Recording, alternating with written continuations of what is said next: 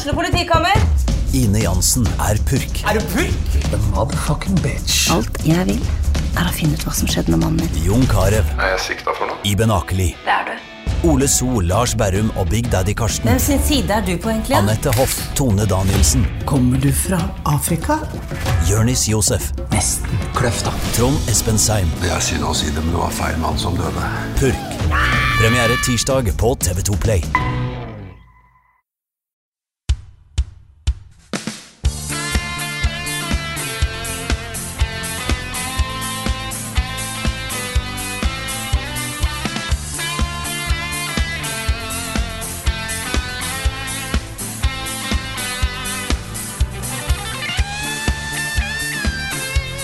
Og hallo og velkommen til en ny episode av podkasten som alltid går dagen før det er kule ting som skjer i spillverden. Det er level backup. med meg i dag har jeg eh, kan- Jeg kan introdusere meg. Jeg heter Frida Landmo. I dag har jeg med meg Karl Martin Hogsnes og Rune Fjell Olsen. Hallo, folkens. Hello. Godt å ha deg tilbake, Frida. Åh, jeg er tilbake fra ferie. Det var veldig fint. Jeg måtte ha en liten ferietur. Og jeg har kost meg. Bra timing rett det er før nedstenging. Jeg rakk det akkurat, skal jeg se deg. Du gjorde det. For meg. Ja. Det kommer sånn historie om eh, Frida på koronaflyet minutt for minutt. Jeg er jo livredd for at det kommer mye tilbakevirkende greier. Men da eh, får vi nå se. Eh, jeg har testa meg opp og ned i mente. Så, så så er good. Jeg var jo i nærkontakt jeg, med en med eh, korona, oh. viser det seg, på, på lørdag. Ja. Eh, og testa meg hver dag. Hver dag siden søndag. Mm. Alt negativt, da. Så um, Må du teste deg hver dag, eller bare gjør du det for Ja, eh, så lenge du tester deg hver dag, så um, eh, Og det er negativt, så sier i hvert fall helsemyndighetene at det er du osv. så videre. Men eh, det er ubehagelig, altså. Det har kommet ubehagelig tett på kroppen, dette her. Mm. Og så har jo de nye restriksjonene og retningslinjene også ført til at vi har måttet ta et eh, vanskelig valg om å da eh, i samarbeid, i samråd med spilledåsen og Red Crew og eh, Eldorado eh, avlyse juleshowet vårt som skulle være da 15. eh. Mm. Og det er eh, trist, altså. Det er kjipt at vi er der igjen, liksom. Det er det. Ja. Hadde liksom håpa at vi var ferdig med den perioden. Men nå er det nok eh, nå en gang sånn da at den derre omikron Omikron? Omikron? Omikron. Ja, eh, er, er visstnok veldig veldig smittsomt. Altså, Det sprer seg veldig fort. Eh, Det er ting som tyder på at man kanskje ikke blir like syk av det. Men eh, fortsatt, fortsatt skummelt, da. Eller i hvert fall sånn Noen havner jo på respirator og på sykehus og tar Ja. opp sykehusplasser. Ja, så vet en liksom ikke nok om, om effektene og hvor kraftig han er og sånne ting, sant? så det er like greit å bare være på den sikre sida. Mm. Det er verdt å beskytte de det er skummelt for, på en måte. Uansett. Ja. Så hvis du da sitter med billett til juleshowet vårt den 15. på Eldorado, så, så vil det da gå ut melding om uh, hvordan man går fram for å få refusjon uh, for den billetten. Det er visst noe automatikk i det, tror jeg, fra, Ja, vi får håpe det. ja, fra Ticketmasters eh, side. Så eh, det er synd også. Men vi satser jo på å komme sterkt tilbake da, med et eller annet felles med Radcrew og spilledåsene på Eldorado eh, til neste år en gang. Men det er jo egentlig nesten like trist at vi måtte avlyse vårt eget julebord. Ja. For det hadde jeg gleda meg til. ja samme her. Samle gjengen og, og sånn. Men det, da får vi komme sterkere tilbake på det òg. Oh, Men kan yes. fint ta nyttårsbord en eller annen gang sånn ut Ja, ja. i mars-april det Julibord. Vi, er jo, vi må jo gjøre opp for to julebord, vi nå. Ja, Ja. vi må faktisk. Faktisk. Vi måtte jo skippe forrige, forrige gang òg. Da er det bare til å passe seg når vi skal ut på byen, for da Ja, fy fader. da tar det av. Det kommer til å dukke opp vifter med undertøy i. Ja, ja, Ja. vi, er, liksom. vi er kjent for å være party, partygjengen. Gutta folkens på Ja, byen, liksom. Ja, ja, ja. Spesielt eh, Nick og jeg, vi drikker oss dritings hver gang. Det er bare å Yes. glede seg til det. Mm. Ja da, ja da. Ja, da, det var uh, sarkastisk. Vi Ja. er nok de mest rolige av alle. Å ja. mm. Og så var du inne på det i, Ja. du var inne på det i starten, eh, Frida. Yep. Uh, men uh, Game Awards er jo i natt da for oss. Ja. Eh, så det får vi ikke med i denne episoden denne gangen. Det er midt på natta, klokka to. Så det vi gjør isteden er jo å lage en, eh, en eh, Game Awards spesial av spilluka. Så den kommer da senere i dag. Hvis du hører på denne her når podkasten publiseres, så, så vil da eh, den greia komme litt senere. Hvor vi snakker litt om hva vi syns om de nye trailerne og sånne ting. Det er f.eks. en ny Witch Queen-trailer. Og så er det en ny Sonic-film-trailer. Ikke minst. Ja, og spill. Ja, Er det sånn? Ja. Er det spill òg? Er Ja, de sa det. Neste Sonic-spillet og filmen får eh, trailer på Oi, oi, oi. Shit. på Det er det, det som har blitt teasa, det. Det som bare har fått en sånn kort uh, greie. Stemmer. Ja. Det er spennende. Og så har jo også, kanskje det mest spennende av alt, det, er, eh, det har blitt publisert en selfie fra et fly av Josef Fares. ja, jeg så det! Så han er på vei. Han er på vei. Han er på vei. Ja, det er bra. Han er på vei til å skjelle ut eh, noe. Ja. Ja. Ja, Ubisoft, kanskje? ja kanskje. Du, Karl. Ja. Jeg tror jeg aldri har fått så mange snaps av deg som jeg har gjort i det siste. Og da tar jeg eh, som en, som en et tegn på ekstrem hype.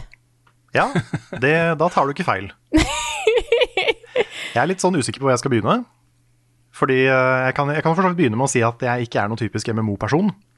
Jeg eh, har liksom aldri vært helt i målgruppa for MMO-oppskriften. Fordi jeg, jeg er ikke så glad i sånn grinding av content og gjøre ting på nytt og, og sånne ting. Ikke jeg heller. Nei, ikke nei.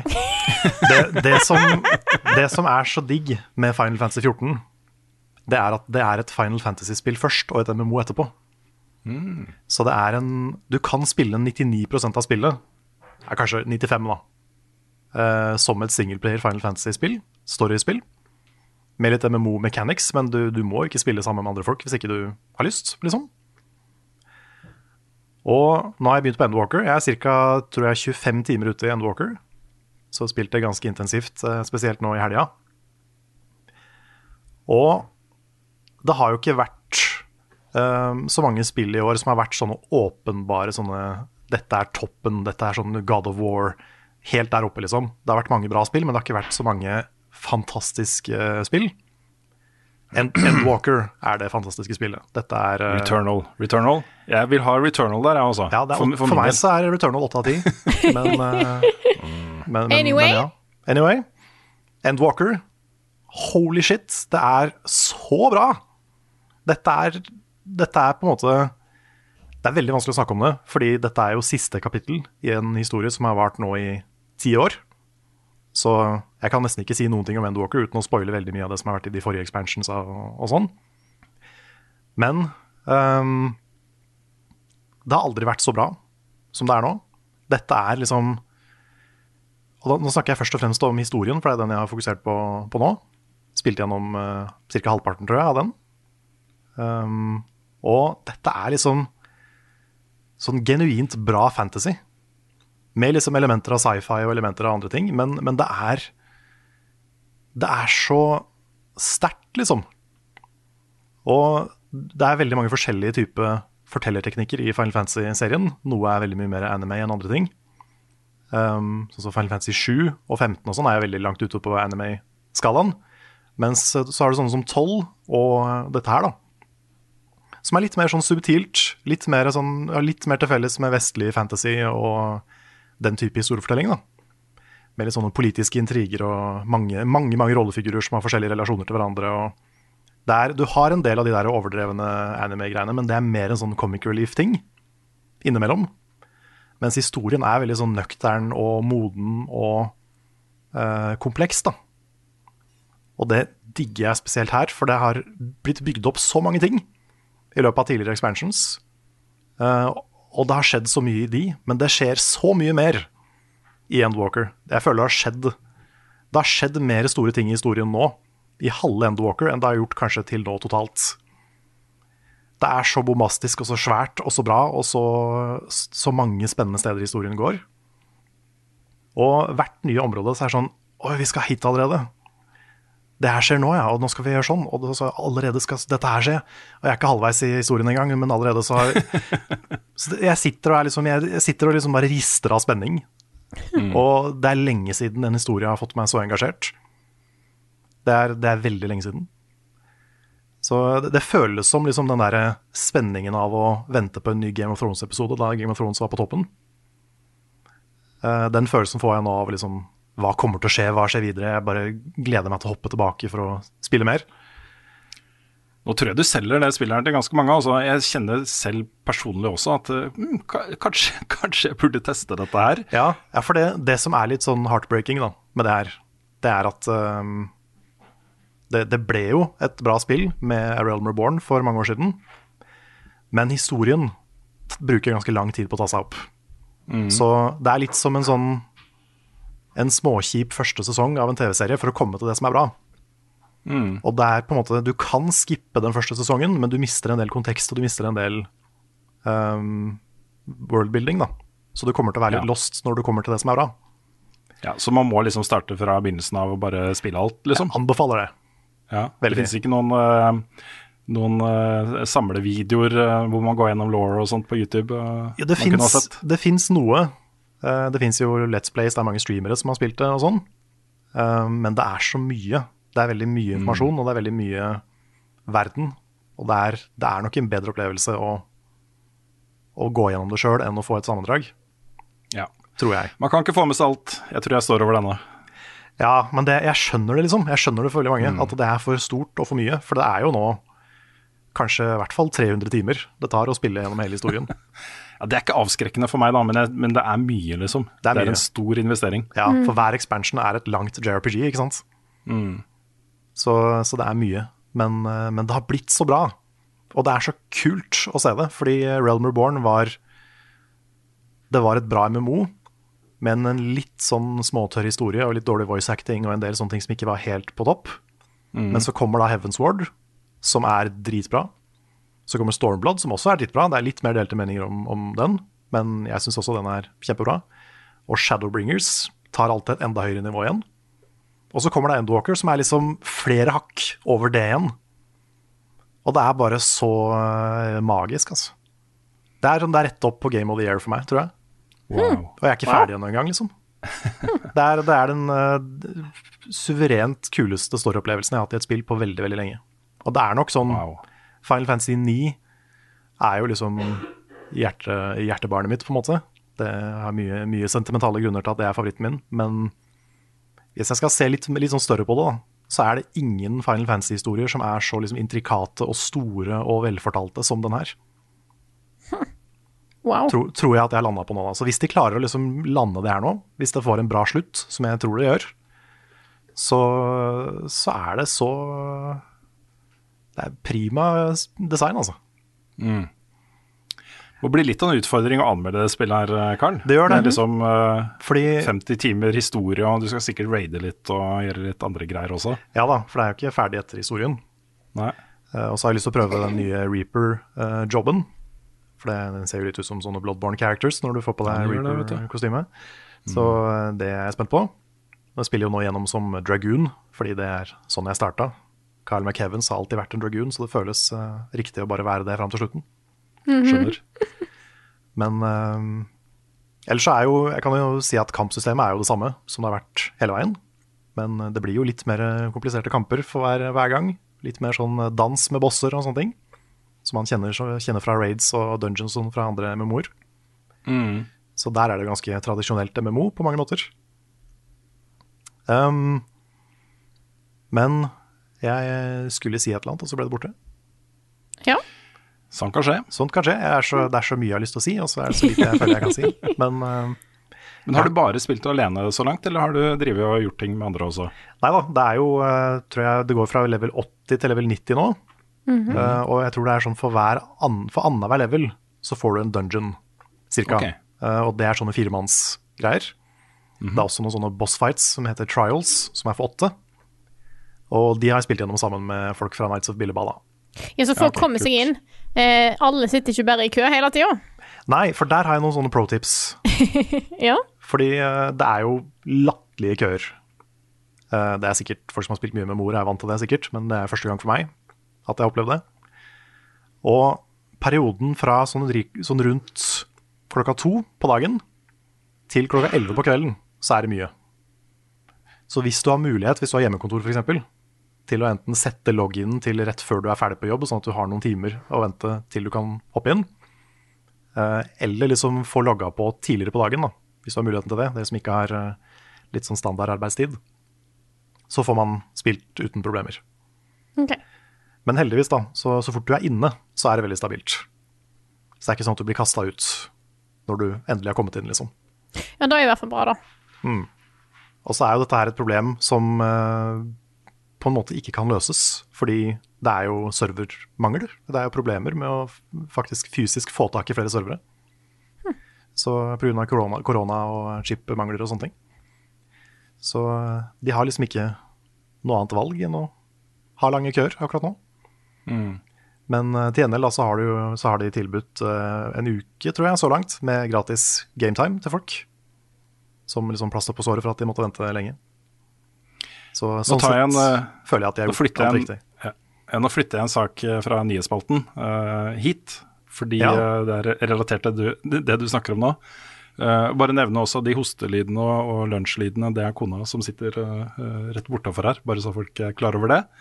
Um, men de har jo tidligere år gikk ut med tall hvor de sa at nå er det 24 millioner registrerte spillere eh, i Final Fantasy 14. Og nå er det 25. De har runda 25 millioner. Det har kommet 1 millioner nye spillere til dette spillet her siden bare i sommer. Wow. Og det er ganske massivt, altså. Jeg, jeg tror kanskje de, det tallet er i hvert fall på høyde med det Vov var på det aller største, liksom. Det er mye mennesker. Ja, for Så det er ikke rart det blir køer. nei, nei, for det har jeg ikke sjekka, men det tenkte jeg skulle sjekke. Sånn hvordan de tallene her eh, stacker opp mot WoW. Men eh, det skjedde jo noe nå i sommer hvor en, ut, en sånn kjempemengde folk uh, bare emigrerte til uh, Final Fantasy 14. Og det var, da var det ikke noen expansion engang, det var liksom midt imellom. Så folk har jo vært ganske nervøse for uh, hva den expansionen her kommer til å gjøre med køer og, og sånn. Så eh, det er lange køer, men hvis du spiller på litt ugunstig tidspunkt eller planlegger når du skal stelle deg i kø, så, så kommer du inn. Ja. Så det har jeg gjort. Jeg har spilt mange, mange timer allerede. Så det er mulig. Det er litt, litt upraktisk akkurat nå, men det er fullt mulig. Men eh, nei, jeg er så, jeg er så liksom glødende begeistra for det her, altså. Det er så hyggelig å høre, Carl. er- Jeg blir glad på dine vegne. Ja. Det er liksom bedre enn jeg turte å håpe på at det skulle være, på en måte. For man har jo liksom, nå har Shadowbringers vært på en måte høyden av spillet til nå. Men dette er mange hakk over Shadowbringers. Fett. Det er bare Jeg har jo hatt et problem Gratulerer. Ta, takk for det. For jeg har jo hatt litt issues med memorsjangeren, som også har blødd litt inn i Final Fantasy 14. da. Med at det er veldig mye sånn her fetch questing og veldig mye sånn dødtid. dødtid. Fordi memor skal være litt sånn. Uh, med liksom, nå skal du gå der og danse for hun, og så skal du samle fem av den, og liksom sånne ting. Og det har vært en god del av det i alle expansionsa. Det er noe av det her òg, men men, men historien har en sånn pacing og en sånn speed som bare er på et helt annet nivå enn alt som har kommet før. da. Så du har ikke de der lange periodene med dødtid, du har ikke ti quester om en tralle. Det, det er ikke sånne ting. Det er sånn Du har liten sånn, øh, noen sånn fetch-quester her for å bli kjent med et område, og så er det videre til liksom neste store storyting, og nå skjer alt, og svære apokalyptiske ting, og det er bare Det er så spennende. Oh my god. Jeg eh, gleder meg til å høre, eller eventuelt se en anmeldelse av dette her, Karl. Ja, får, jeg eh, aner ikke hvor lang tid det kommer til å ta, men Nei, da øh, er det et spørsmål. For jeg vil jo også liksom bruke den videoen til å fortelle litt av, veldig sånn kort, da, eh, historien om spillet. For den historien er litt for bra til å ikke fortelle. Ja, det er helt sprøtt, det spillet der, altså. Det, det er sånn Det de gjorde for å få det spillet på rett kjøl, er det ingen andre som har gjort. Verken før eller etter. Det er helt insane, altså. Det har blitt laga dokumentarfilmer om det, liksom. Og det er kjempe, kjempespennende. Så jeg skal være litt innom det også i, i videoen. Så, så ja. Skal vi gå fra en stor lansering til en annen, runde? Rune? Det kan vi gjøre, vet du, fordi nå kan jeg jo eh, faktisk da snakke om Halo Infinite. Det kunne jeg ikke forrige uke. Eh, sperrefristen på anmeldelse der var eh, mandag morgen. ja. Da ble min anmeldelse på NRK publisert. Terningkast fem. Hmm. Respektabelt. dette, ja, det er respektabelt, og det er eh, deilig også, å se Halo tilbake på det nivået. Uh, fordi eh, eh, 343 Industries ble jo laget for å forvalte Halo-merkevaren etter at Bungie trakk seg. Og Bungie lagde jo fem Halo-spill på ni år. Uh, Runda da med Halo Reach, som er glimrende. Uh, og så har da 343 lagd nå tre Halo-spill etter det. Og Halo 4 var Jeg syns det var ganske bra, men det var ganske tydelig at de prøver liksom å dra Master Chief og Halo inn i litt uh, nye retninger og sånne ting. Gjøre sin vri på det. Uh, stort sett så funka det ganske bra.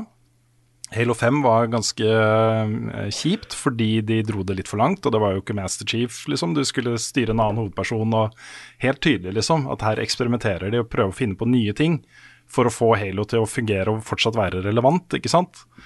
Og så kommer da Halo Infinite, og det er jo på en måte Her har de sittet og liksom studert Halo 1, 2 og 3, og så har de destillert det ned i en Halo-opplevelse som fansen har spurt om og ønska seg, eh, helt siden Bungie forlot uh, Halo. Så dette, du er tilbake liksom på en av disse store ringverdenene, en ny ringverden som er oppdaga, ikke sant. Uh, med masse ny sånn forerunner, eldgammel sivilisasjon-teknologi, et uh, nytt mysterium. en fiende vi kjenner fra Halo Wars, faktisk, som heter Banished. Som er en sånn utbrytergruppe av The, Covenant, den store fienden liksom, i Halo-serien generelt. og det er veldig Halo. Det er veldig Halo. Det å kjøre rundt på da en ringverden i en Warthog, eller å fly rundt med disse flyvende tingene og sånne ting, det føles veldig sånn som det gjorde da i Halo 1, 2 og 3. Så det er helt åpenbart at de har uh, brukt mye tid og energi på å lage en Halo-opplevelse som, uh, som, fansen kommer til å bli fornøyd med. og det positive er jo at det funker. De er flinke utviklere. De har fått til, har fått til den følelsen uh, på en ganske troverdig og inderlig måte. da. Uh, det negative er jo, eller negative, jeg vet ikke hvor negativt det egentlig er, men uh, det er jo veldig safe, da. Det er veldig trygt. Um, og sånn sett så blir det kanskje vanskelig å komme helt opp på det nivået som Bunji var på med serien. men de kommer nære, altså. De kommer nære, og jeg syns dette er et, et glimrende campaign. Det, den beste 3 for 3 har laget, uten tvil. da. Så masse spenning og dramatikk og vendinger og sånne ting. Uh, og ikke minst en flott verden også å være på. Det, du er på den ringen nesten hele spillet, bortsett fra i starten. Uh, og det er liksom sånn Halo skal være, da. Uh, og da blir det jo mye fokus da på eksperimentering med forskjellige våpen, og du bruker den nye grappling-hooken, som er dødskul. kan på en måte aldri gå feil med en grappling hook som brukes på riktig måte. Og den bruker du da både til utforsking, komme til steder som du normalt sett ikke vil kunne komme til, men også i combat. Og du kan oppgradere den og få den til å bli kraftigere og stønne fiender og den type ting. Uh, og det er ikke noe uh, hemmelighet at det, det, brukte jeg mye. Særlig mot slutten, når den var fullt oppgradert og sånn, så er det bare så du driver og grappler uh, gjennom en slagmark ikke sant, med massevis av fiender og hit og dit og melee og, og shotgun i trynet og, og, sånne ting. Og det er gøy, altså. Det er ordentlig artig. Så masse andre kule våpen også, selvfølgelig. Men uh, den grappling-hooken er liksom stjernen i det showet her. Så um, kombinert da med multiplayer-delen så føler jeg liksom at Halo er tilbake der det bør være. Men så leser jeg da en rapport i Bloomberg av Jason Schreier uh, fra liksom behind the scenes i utviklingen av Halo Infinite, hvor det opprinnelig skulle være veldig sånn Breath of the Wild-lignende åpen verden. Med massevis av greier og skjulte dungeons og gudene vet liksom, masse ting. Uh, og så fant de ganske fort ut at eh, nei, det, for, det går ikke. det får vi ikke til. Og så i tillegg var det sånn at store deler av staben som utvikla dette spillet her, var på kontrakt, ikke fast ansatt. Og da er reglene sånn at de bare kan være der i 18 måneder, og så må de gå. Så hele tiden da forsvant det da nøkkelpersoner fra det teamet uh, ut av selskapet. Og så kom inn nye folk med sine nye perspektiver og lære seg på nytt og, og sånne ting. så det var visst ganske mye trøbbel i utviklingen der. Og jeg tror nok at dette ikke er det liksom ultimate Halo-spillet. Det er ting her som, som, får meg til å tenke at med mer tid eller, eh, eller, mer ressurser eller et eller annet, så kunne det blitt enda bedre. Da. Så jeg, jeg syns femmeren uh, står godt. Det er helt åpenbart ikke en sekser, men det er heller åpenbart også ikke en firer, liksom. Mm. Så jeg syns det er en god representasjon av spillet, da. Så det er kult, men det var jo enspillerdelen jeg anmeldte der. Jeg nevner jo litt om multiplayer også, um, som jeg ikke har spilt uh, mye, liksom, men som, um, som jeg ser har potensial til, til, å, la Halo leve lenge, liksom. Det um, er uh, ting som tyder på at de kan komme tilbake til den multiplayer-opplevelsen folk hadde da, særlig Halo 2 og 3, som, som var veldig, veldig, veldig populært og bra. Så det var jeg fornøyd med. Og så er det jo litt gøy, da at omtrent samtidig med utgivelsen av Halo Infinite, så kommer da uh, en DLC til Destiny 2 som heter uh, uh, 30th Anniversary DLC, med en ny dungeon lagt til da den originale loot caven mm. fra Destiny 1. Uh, og masse stæsj. da Du har uh, våpen uh, henta fra og inspirert av både Halo og Marathon. Armor sets inspirert av de to. Uh, du har en utrolig kul ny emote som er Master Chief som faller. det er en veldig kjent sånn animasjon fra et av spillene. Som, du ser folk overalt nå bare veiver rundt i lufta og sånne ting. Uh, og ikke minst da så Jallarhorn er tilbake. Ja. Uh, Thousand, Stare, uh, Thousand Yard Stare og Matador og en del av de andre skikkelig skikkelig bra våpnene fra Destiny 1 er tilbake nå. Du kan grinde ut i forskjellige rolls og sånne ting. og så er da Sur, altså Xur, Xur som er jo han Strange Coins Agent of the Nine-rollefiguren som du får kult exotic stæsj av en gang i uka. Han er på en måte den, denne delscenes vendor og han har en hest. en sånn celestial hest. Som hele tiden, hver gang du får dialog fra Syr, så kommer det også dialog fra hesten. Og det er mm. bare sånn veldig veldig kul og rar knegging, da. en uh, selvhestial? Ja. veldig bra, veldig bra Karl. Mm, mm. uh, og det er Hele den expansionen her oser av sånn overskudd og glede og eksperimentering og lut. da. En nye dungeon. Oh my god, altså de dungeonene i det spillet her er så bra. Den her er vel så bra som de andre som har kommet ut. Det er så fett, altså. Så mye kule fiender og mekanikker. Og uh, en av de sentrale tingene her er at du må um, Det er masse feller overalt. da, Hvis du går på sånn trykkplater i feil rom, så kommer det masse spikes og dreper deg. Så det å gå gjennom det den første gangen er kjempemorsomt. Hvem tør å gå inn her først, liksom? Hvem uh, tør å teste ut det rommet her, om det er dit vi skal, eller om det er dit vi skal? Det er kjempeartig, altså. Og så er det en ny sånn seksmannsaktivitet som også er faktisk innmari gøy, altså. Så dette her er uh, nok innhold for meg i hvert fall til å uh, klare meg til utgivelsen av The Witch Queen i februar. Ja, så koser meg veldig med den. Og så, på lørdag, så satte jeg meg ned klokka ti på kvelden og spilte gjennom uh, The End-eventet i Fortnite sammen med sønnen min. Og det ja. er så morsomt å spille de eventene med han, altså. Fordi han er jo helt inne i Fortnite og vet mm. alt, liksom. Jeg vet ingenting. Jeg vet uh, bruddstykker av ting han forteller meg, men jeg, ikke så mye. Uh, så jeg skal prøve å gjenfortelle litt det som skjedde i det eventet. Det var ordentlig stilig, altså. Uh, men her er det jo da en sånn stor uh, kube som er liksom sentralt på kartet, og en, en eller annen sånn queen, alien queen, som skal liksom utslette alle spillerne på kartet og sånne ting. og sender ut noen sånne utrolig rare skapninger som bare begynner å drepe folk. Og du ser i chatten, liksom, så ser du den ene etter den andre dør, da. Og så kommer da jeg husker ikke hva det heter, men det er noen skapninger hvor på en måte en figur da, som heter The Foundation er lederen, og så tror jeg det er seks andre av han, som er liksom menneskehetens beskyttere. Så kommer de inn, og så åpner det seg på en måte en, en, en dør ned til under bakken. Og så går du ned der, langt under kartet, liksom. og der er uh, en som heter Jonesy, som er veldig kjent i Fortnite. Jeg vet ikke helt hvem han er, men han har blitt brukt mye. Han blitt holdt fanga av noen folk. Og da er sønnen min er bare sånn derre Jeg visste! Jeg visste hun var slem! Det står en eh, dame med sånn krøllete hår, sånn afro. Jeg visste hun var slem! Og hva skjer med Jonesy? Og så begynner døra, liksom noen hamrer på døra, og så brytes døra opp, og der står The Foundation, ikke sant? Og så går maska hans opp, og så er det The Rock. Ja, ja jeg fikk med meg litt at The Rock var med. yes, det, er litt, det er litt gøy at liksom The Rock heter The Foundation.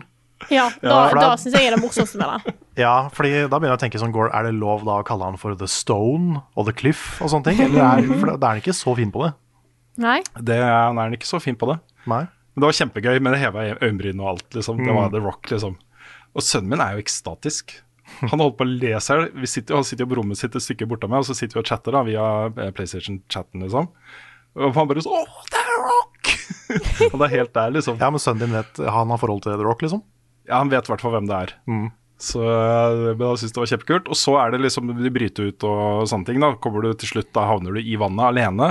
Eh, holder deg fast i en tømmerstokk. Hvis du ser liksom kartet, da, hele Fortnite-mappet, eh, begynner å løftes, gå på høykant, eh, og så flippes rundt, da. Så er det liksom det nye kartet til Fortnite Det er da på undersiden av det gamle kartet. Ja, ok det, Alt dette sitter du og ser på, ikke sant. Og det er vet du hva, de eventene i Fortnite, altså. Ja. Ja, man må liksom ha litt respekt for dem. Mm. Ja, det er veldig, veldig veldig bra. Og det er eh, litt sånn uh, hint om fort, uh, fortiden, hint om fremtiden. Hva som er på vei. Uh, hvor mange muligheter man har til å skape minneverdige events man kan dele med andre mm. i virtuelle verdener. Det er ordentlig gøy også. Og hvis du ikke var der, klokka ti på lørdag kveld, så fikk du ikke vært der. Altså, det, var da, det var et samla event for hele verden med for mange millioner spillere. ikke sant?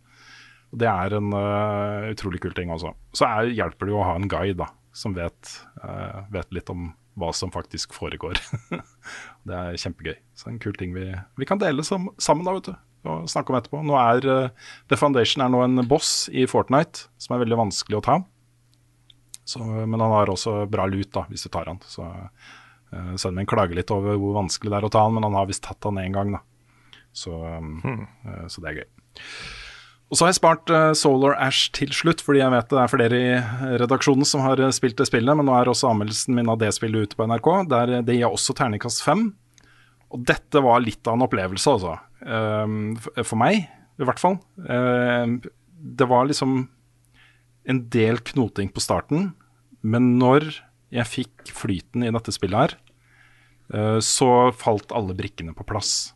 Og da, da, var det en sånn Ok, når jeg visste liksom alt jeg skulle gjøre til enhver tid, så ble sånne ting som jeg kunne stå da og stange på eh, tidligere, før jeg liksom hadde det kontrollsystemet helt i fingrene og helt, var helt der, liksom ble plutselig Jeg kunne ta bosser på første forsøk, jeg kunne ta fiender på første forsøk, jeg kunne komme meg gjennom området på første forsøk fordi jeg forsto verden og jeg forsto kontrollsystemet. Og da alt, så da blir liksom omgivelsen og musikken og stedet du er på, historien som fortelles, blir så mye mer i fokus. da. Uh, og det, jeg følte meg bare så grasiøs og kul når jeg skøyta rundt og dansa rundt på disse verdenene her. Uh, og så må jeg også få sagt, så kan du få overta straks til Frida, jeg må få sagt at uh, sci-fi-historiedelen i det spillet her er sånn Det er mat for meg også. Og så tenk deg du er en void runner som er inni et sort hull med rester av alle verdenene som det sorte hullet har slukt opp. Liksom mesja, sammen da, i nye kombinasjoner med liksom øh, fysiske lovene. Du kan gå liksom på taket og øh, skate rundt kanter, også rundt sånne skyer og sånne ting. Uh, og hva befinner seg liksom til slutten i dette mysteriet her, liksom? Det, å, det er mat for meg, vet du. Inni det sorte hullet. Jeg er veldig happy for det, altså. Du har fått spilt det også, Frida. Hva syns du? Jeg har fått testa det. Jeg er ikke ja. ferdig. Eh, det er godt å høre at flyten kommer, fordi jeg er ikke der ennå. Eh, akkurat nå så syns jeg at eh, kontrollsystemet Det er godt å høre at det kommer seg, fordi at jeg var redd jeg ikke skulle gjøre det, for akkurat nå så føles det knotete. Mm. Eh, det føles som noe som burde være mye mer smooth, uh, men jeg har ikke kommet der ennå. Jeg syns verden er kjempestilig, uh, men jeg gleder meg til kontrollsystemet sitter bedre. Uh, jeg, jeg, spilte jo ganske mye, og så fant jeg ut at vet du hva, det opptaket jeg har fra starten her, er for dårlig. Og så Jeg knoter så mye. Jeg vil gjerne liksom, jeg vil ikke vise fram det på podkasten. Jeg legger ut en video her av podkasten forrige uke. Mm, mm. Så da spilte jeg det på nytt, og det var en helt annen verden, altså. Ja, da tror jeg på. Og det er, det er noe med det Altså, hele, hele spillet er bygd opp for at du skal få den flyten. Mm. Det, det, er liksom meningen at du skal få den. Det er ikke meningen at du skal stå og stange og misse det enkle hoppet der fordi. Ikke sant? Ja. Det er meningen at du skal liksom bare gjøre det. Dette spillet minner meg enormt om The Pathless. Mm, Både samme. med flyten, men òg hvordan verden er. Eh, fordi at du, du eh, Du er på plass, og så kan du på en måte gjøre et sånn search, og så kan du finne ut hvor de tingene du, eh, du skal ta er, og så må du egentlig bare gå og utforske. Og jo mer jeg tenker på det, det er jo nett det samme. Det er akkurat det samme som The Patless. Det, det, er fascinerende hvor like de to spillene er, men, mm. men uttrykket og, er, er, veldig annerledes. Patless hadde mye, hadde mye større område, det var mye mer fokus på eh, bare måtte nesten lange områder der du bare sprang, eller mm. fløy eller glida. eh, mens her er det litt mer kompakt. Men, uh, men, uh, men det fascinerer meg, altså. Så når jeg, når jeg, begynte å tenke på det etter jeg hadde testa dette vel på tirsdag, jeg hadde i to timer Jo mer jeg tenker på det i etterkant, jo mer ser jeg på en måte de, de likhetstrekkene de to spillene har, og da jeg begynte jeg å tenke at ja, OK, denne flyten kommer nok, for da gjorde mm. han jo etter hvert i The Battle. Så, og jeg syns jo, etter hvert som jeg fikk spilt de to timene jeg gjorde med, med Solar Ash, eh, at, at, ting satt bedre. Mm. Jeg eh, sliter fortsatt litt med akkurat avstandene til når du kan grapple til neste ting og sånt. Eh, så det er da jeg venter på at skal på en måte komme seg litt mer inn i fingrene, så jeg gleder meg til å få fullført det. Jeg får med meg at det ikke er sånn kjempelangt. Ja, jeg brukte vel ni-ish timer, tror jeg, på å komme meg gjennom. Ja. Um, jeg kan jo nevne tips da, til folk som til deg, for så vidt, og til andre som er nye i det spillet her. Bare lær deg den derre eh, sakk i tiden-funksjonen med en gang. Fordi du får mye, mye bedre range på den grappling-funksjonen. Eh, og du får mye bedre tid på det. Og den, du kan bruke den hele tiden. Den har en cooldown, um, men den er tilgjengelig veldig ofte. Og som regel alltid når du trenger den. Uh, og det er liksom uh, de, de, pausene du får der, er på en måte nok da, til å opprettholde den flyten etter hvert. Etter hvert som du bare instinktivt trykker på slow motion-knappen liksom, for å få tiden til å gå saktere, så begynner det å sitte. ikke sant? Mm. og i tillegg så er det for hver verden så, så, er det en collectible, og det er en ny drakt til hovedpersonen som gir deg spesielle egenskaper. Og En av de er f.eks. at du blir mye sterkere. Så de kampene du har mot fiender, er over med en gang. Da. Mange av de blir one hit, mens de tidligere var to eller tre hit. En annen er at du har lengre tid på den når du trykker på slow motion. Altså den varer lengre, den fasen. En tredje er at du har boost oftere.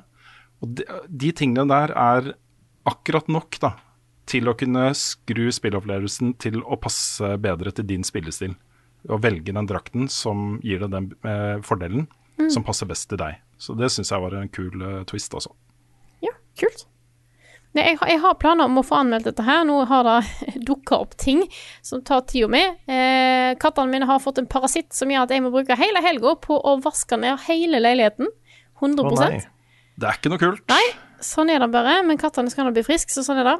Eh, men jeg håper at jeg får eh, Jeg har store planer om å få denne her eh, før, ut før jeg tar juleferie, iallfall. Da har jeg ei stund til på meg. Mm. Så jeg gleder meg til å spille mer av dette her, altså. Og så kan jeg jo nevne, eh, før jeg tok ferie forrige uke, at jeg eh, har er nesten, nesten helt ferdig med Tom. Jeg har begynt å, å spille den nesten helt ferdig. Det er jo bare så koselig!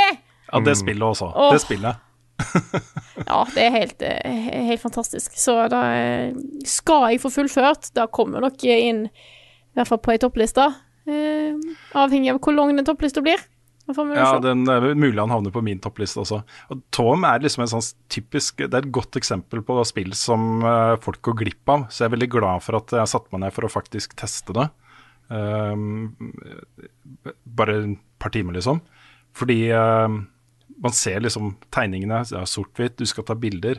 Ja, det ser litt koselig ut, men er det gøy å spille? Og så er det så koselig og så gøy, da. Mm. Og så smart. Det er så mange smarte puzzles. Jeg var, det ene området jeg var på, så tenkte jeg OK, nå har jeg en hel jækla drøss med oppdrag, og jeg vet egentlig nesten ikke hvordan jeg skal løse noen av de. Og plutselig så finner du den ene tingen, og da løsner det litt opp på den tingen, som gjør at det løsner litt opp på de andre, og plutselig så hadde jeg bare gjort alt. Mm. Nei, det er, det er, skikkelig, skikkelig smart. Så da uh, må jeg få fullført. Det er nesten sånn at det er litt sånn uh, det, det, er sånn spill som jeg koste meg sånn med, at det er nesten dumt å fullføre, hvis det gir mening. ja, jeg skjønner. men da skal jeg få gjort bare få satt meg ned og ta den siste halvtimen eller timen, eller hva den er. Mm. Oh. Men da, det var altså Jeg gleder meg til å få spilt resten av Solar Asher. Altså. altså. Det virker veldig, veldig kult. Jeg er spent. Og mer positiv nå etter å ha hørt eh, deg eh, si at ja, det ordner seg med kontrollsystemet etter hvert, Rune. Ja, jeg lå på liksom en, en, en veldig klar liksom, terningkast fire etter de første to-tre timene. Og så jobba jeg meg opp til en sterk femmer uh, gjennom resten, da. Så, så det, er, det, er, et bra spill også. Mm. Det var en ting jeg glemte å si om Endwalker, ja. som jeg har lyst til å bare skyte inn. Ja. Fordi En annen ting som det spillet er veldig bra på, som veldig få spill er bra på, det er sånne hverdagsscener. For eksempel uh, så er det en scene tidlig i Endwalker hvor hele gjengen liksom bare samles for å spise burgere og pizza ja. og sånn. Mm -hmm. uh, og så sitter de og prater, og det er liksom Det er så Det tilfører så mye til en historie, med litt sånn uh, rollefigurbaserte plotlines og, og sånn. Fordi du trenger de scenene for å bli ordentlig glad i figurene, føler jeg. Ja, det, du må få et forhold til hvordan sånn, de oppfører seg liksom, til vanlig. Ja, det må være litt sånn hverdag, litt sånn normale tilstander noen ganger. Det kan ikke bare være stort og bombastisk hele tida. Og spill har en tendens til å være det. Mm. Det har en tendens til å være, bare være action, action, action. Det er veldig få spillscener som bare er liksom kos. Men det er enda en ting som Endwalker gjør veldig bra. Så jeg vil bare gi en shout-out for det. Det tilfører veldig mye til, eh, i hvert fall for meg, til historien.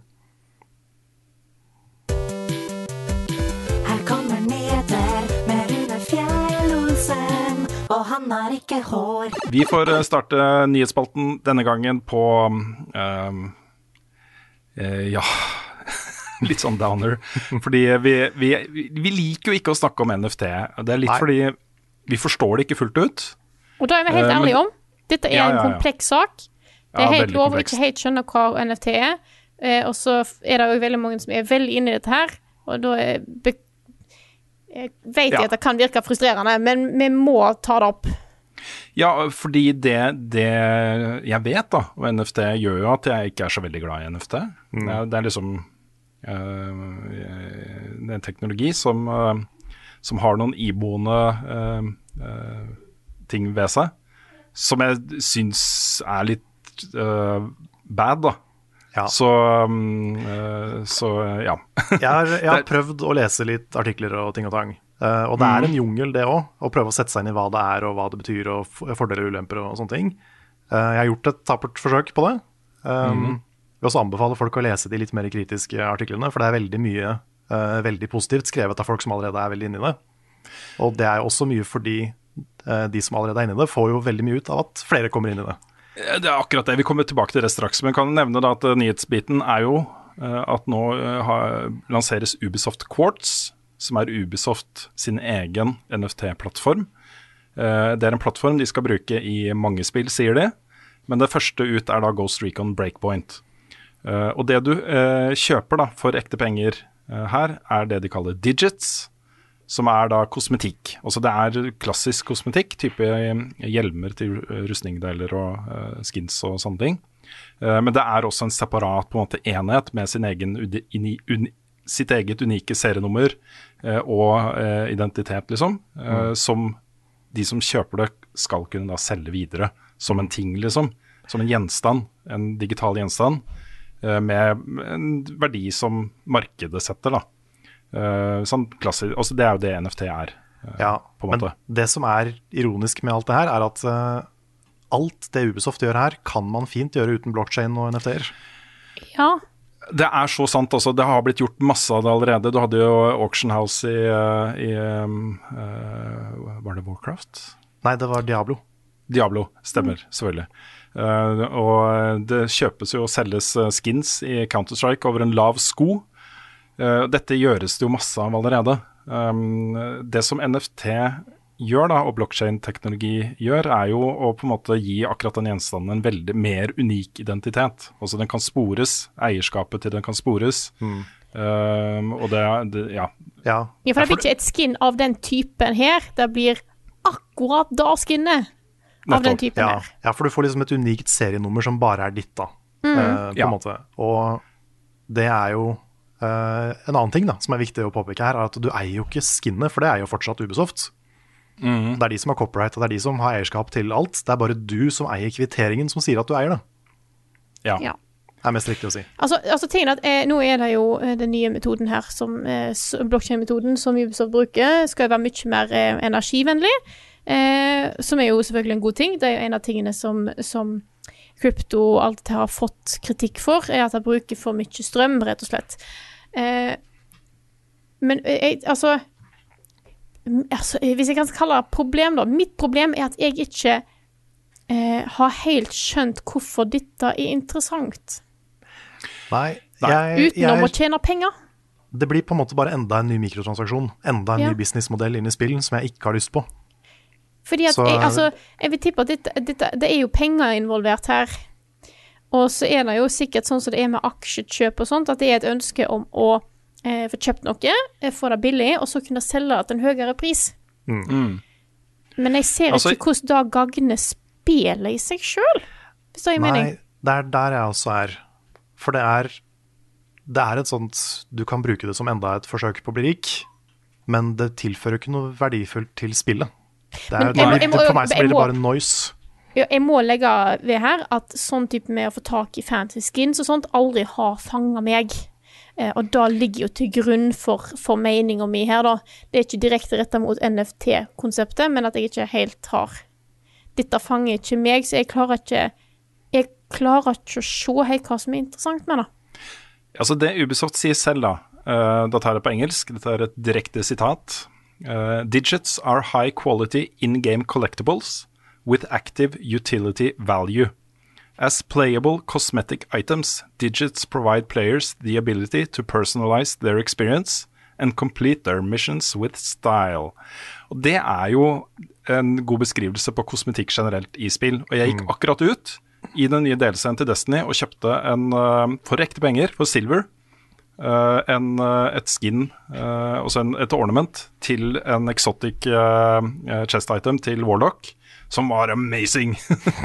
og det, det, det syns jeg er helt greit, liksom. Nå ser Warlocken min mye mye kulere ut da, når jeg bruker den eksotikken. Og det er, det verdt å bruke litt penger på, og har verdi for meg. Og den delen av dette her eh, kjøper jeg. Også det at man eh, tillegger virtuelle eh, gjenstander en verdi som betyr noe for folk. Helt med på det. Det er liksom helt greit. Men det som er tingen med NFT, og krypto generelt, er at hele den teknologien der er avhengig av stadig flere nye mennesker som kommer inn og kjøper ting til en høyere pris Ja, enn det de tidligere har kjøpt. nettopp. Det har litt elementer av sånn Ponzi schemes. Ja, og pyramide, eh, generelt, liksom, fordi også folk går inn i NFT-er og krypto for å eh, tjene penger. Og det finnes masse historier om de som er early adopters, som har kommet inn først, kjøpt ting til én pris, og så kommer liksom det nye folk inn i økosystemet som kjøper det for en høyere pris og høyere pris og høyere pris. På et eller annet sted så kommer liksom markedet til å si nei, da, og det har skjedd mange ganger med krypto. Du ser disse store svingningene i uh, priser. Det er jo når folk sier nei, den prisen her er altfor høy, jeg gidder ikke å kjøpe det, liksom. Og så stuper uh, kursen da, på f.eks. bitcoin eller noen andre. Det går veldig opp og ned. Mye mer opp og ned enn annen valuta. Um, og det er også NFT-er i seg selv, disse digitale uh, gjenstandene, da, um, virker på meg i hvert fall som om verdien av de er det. Altså videresalg. Mer enn, mye, mye mer enn uh, faktisk en, en reell verdi for de som har kjøpt det originalt. da. Um, Kanskje da med unntak av også i disse tilfellene hvor, du, eh, hvor det kommer en ny chest eh, ornament til Warlock, og du er villig til å bruke litt penger på den. Her vil du da få muligheten til å da selge den videre til noen andre seinere, liksom, og kanskje tjene litt penger på det. Men uh, det er ikke sånn en NFT-er uh, brandes og, og virker blant folk. da. Dette ses på som en investeringsmulighet som de på et eller annet tidspunkt kan bli søkkrike av. Ja, for det, Eh, det er akkurat da, da at jeg, jeg skjønner jo den kosmetikkbiten. Den eh, vet jeg at har, har verdi og er interessant for folk. Eh, men jeg skjønner ikke hvorfor det da må være en NFT, for det virker bare som at du skal få inn den tjene penger-biten på det òg. Og for at du, noen skal tjene penger, så er det jo mange andre som må tape penger. Ja, for det er det. Det, er ikke, det blir jo ikke bare skapt nye penger. Det er jo Nei. andres penger som puttes inn for å gi deg mer penger. Ja, og alt dette får jo Ubisoft en cut av, da. Så dette er jo deres, øh, deres motivasjon. Um, en ny- inntektsmodell. Og det er sånn det beskrives også i styremøter og sånne ting hos både Ubisoft og andre spillselskaper som snuser på NFT-er og krypto. Um, de, de, ser ut som en ny businessmodell for spillene deres. Uh, Dette er jo bare en ting som kommer til å bli større. Da mye vet vi jo bare. Det er på en måte eh, Det er ikke sånn at dette er en sånn der, et rart eksperiment som folk kommer til å sjekke kommer dette til å gå bra eller ikke, og så på en måte kaste for seg. Dette kommer til å bli stort. Ja da, Ja. eh, og det er jo sånn eh, I hvert fall rent i en eller annen form så kommer det til å bli stort. Det er, det er ikke Ja. sikkert NFT-er som de er i dag blir store, tror jeg, men, men det kan jo være. Kanskje. Jeg leste en, eh, leste en lang, lang lang tråd på Twitter om dette med en som kan noe. da. Og, og det er liksom som du sa i stad, Karl. Det er, eh, det var en person da som var veldig kritisk til eh, NFT. eh, og eh, faglig kompetanse til å være kritisk. Men når han begynner å forklare hvorfor han er kritisk, i eh, liksom en lang Twitter-tråd, masse innlegg, så er det sånn Ja, Eh, Jeg skjønner, jeg skjønner ikke helt hva du snakker om. Eh, en av de tingene for eksempel som sies da, eh, i kritikk av NFT, er at eh, dette kunne vært en SQL-database. Ja, det høres fint ut. eh, Hvorfor det? Jeg vet, altså, jeg, vet at SQL er en database og sånne ting, liksom, men uh, ikke sant. Ja, det er mye av det tekniske som går over huet på meg òg. Um, og jeg vet at vi sikkert høres veldig bastant og negative ut nå, og det er sikkert noen som uh, blir litt sure for det. Um, men for min del, jeg må bare være ærlig om at jeg får veldig vond smak i munnen av alt det her. Og det, det er så mange ting som gir meg litt røde flagg og litt varsellamper og ting og tang. Så bare, det føles feil å ikke si det når vi snakker om det. Ja, altså det, eh, Alle de som er veldig inne i NFT-er nå, og krypto, de er helt avhengig av at det kommer til nye spillere. Og de er veldig sånn evangelister da, for den teknologien her og dette systemet. systemet. Uh, og er kjempehappy da, når det kommer inn nye folk som investerer. Ja, og det er med på å gjøre at det er, det er så mange ledd der som er vanskelig å stole på, Ja. føler jeg. Men det blir jo sånn nå, ikke sant? Disney har begynt å selge NFT-er. Eh, det, det kommer til å være overalt. Eh, og det kan godt tenkes at det er lurt å investere i NFT nå, liksom, i dag. Og kjøpe noen NFT-er og ha en, ha en liten uh, lommebok da, med NFT-er som du har kjøpt for noen tusen kroner eller et eller annet, liksom. Uh, fordi plutselig ikke sant, så kan du selge før det imploderer. og tjene sjukt mye penger. Det er derfor folk går inn nå, ikke sant. Det er eh, helt, helt sånn derre eldorado eh, Ikke i betydningen eh, dette flotte livestedet i Oslo sentrum, men eh, den, den mytiske gullbyen. Ja, The Gold Rush. Ja. Og det er eh, eh, rent sånn personlig, liksom, for en enkeltperson å gå inn og sette seg litt inn i det og kjøpe på bunnen og selge på topp, er jo Vi lever i et kapitalistisk samfunn, liksom. Det er sånn ting fungerer. Og jeg skjønner jo på en måte du, en- altså Noen NFT er jo kunstverk, sant. Og da er det jo litt sånn som du investerer i kunst som kan selges videre. Eh, det eneste jeg tenker på når det kommer til spill, er jo at dette er jo en plattform som er veldig opp og ned. Han er aktuell i noen år, og så er det kanskje ikke så mange som spiller det spillet lenger. Og da sitter du med, med verdier i, i en ting som kanskje da hele markedet får vekk. Så spill NFT-er er, er litt annerledes enn bare kunst, hvis det gir mening. Og så kan det jo være at Ubisoft f.eks. lar deg bruke noen av de samme tinga i fremtidige spill, og sånn som det har vært snakk om. Helt Eh, sikkert. Ja, men det Ja. er samtidig ikke noe insentiv for Ubisoft til ikke bare lage nye til neste spill. Nei, det her, De kommer til å lansere nye og nye og nye og nye og nye hele tiden, liksom. Eh, og eh, mange vil glemme at de allerede har brukt eh, 20 000 kroner på NFT på tidligere spill. Så kommer det en ny som bare koster 200, liksom, eller 100 eller 50, eller hva det er, liksom. Og så kjøper de de også, og så, ikke sant. Um, det spekuleres jo nå da i at eh, Assassin's Creed Valhalla er det neste NFT-spillet, fordi eh, de har jo gått ut og sagt nå at neste gang eh, det kommer en stor oppdatering til det spillet, så må du laste ned hele spillet på nytt. Det er ikke bare DLC-en. Uh, og Ubisoft har jo sagt at dette courts-systemet skal inkluderes da i andre uh, Ubisoft-spill, og at du vil kunne flytte gjenstander fra et spill til et annet og, og, og sånne ting. da. Så, så dette her kommer. Men det har et så sterkt element av gambling, dette her. Um, for du, mange vil nok gå inn og spekulere i at de kjøper en ting til én pris, og så selger de den til en høyere pris. Uh, og sånn sett så har jo da uh, Ubisoft innført en aldersgrense på Quartz, det er 18 år. Uh, og i da Breakpoint så må det også være level 5, så det betyr jo at at bare sånne investorer eh, som kommer inn liksom bare for å kjøpe NFT-er, de må jo da spille spillet en god stund. da. Og Tanken er jo kanskje at det hindrer en del av de bare rene spekulantene i å komme inn, men at dette er mynta på folk som faktisk spiller spillet. Er Eller så, eller så betaler de barn i NFT-er for å spille for dem. Ja, ikke sant? Ja, kanskje det også blir et sånn sidemarked. Kontor, breakpoint-kontor som er level 5. Oi. Så ja. Ja, men, Foreløpig så er det men en ting da som er verdt å ha i tankene, uh, sånn hvis man uh, kjøper en NFT i et spill, um, bare husk på det at uh, hvis det blir flere og flere NFT-er i flere og flere spill, så kommer ikke Ubisoft til å ha ressurser eller motivasjon til å lage de samme NFT-ene i spill igjen og igjen og igjen når de ikke tjener penger på det.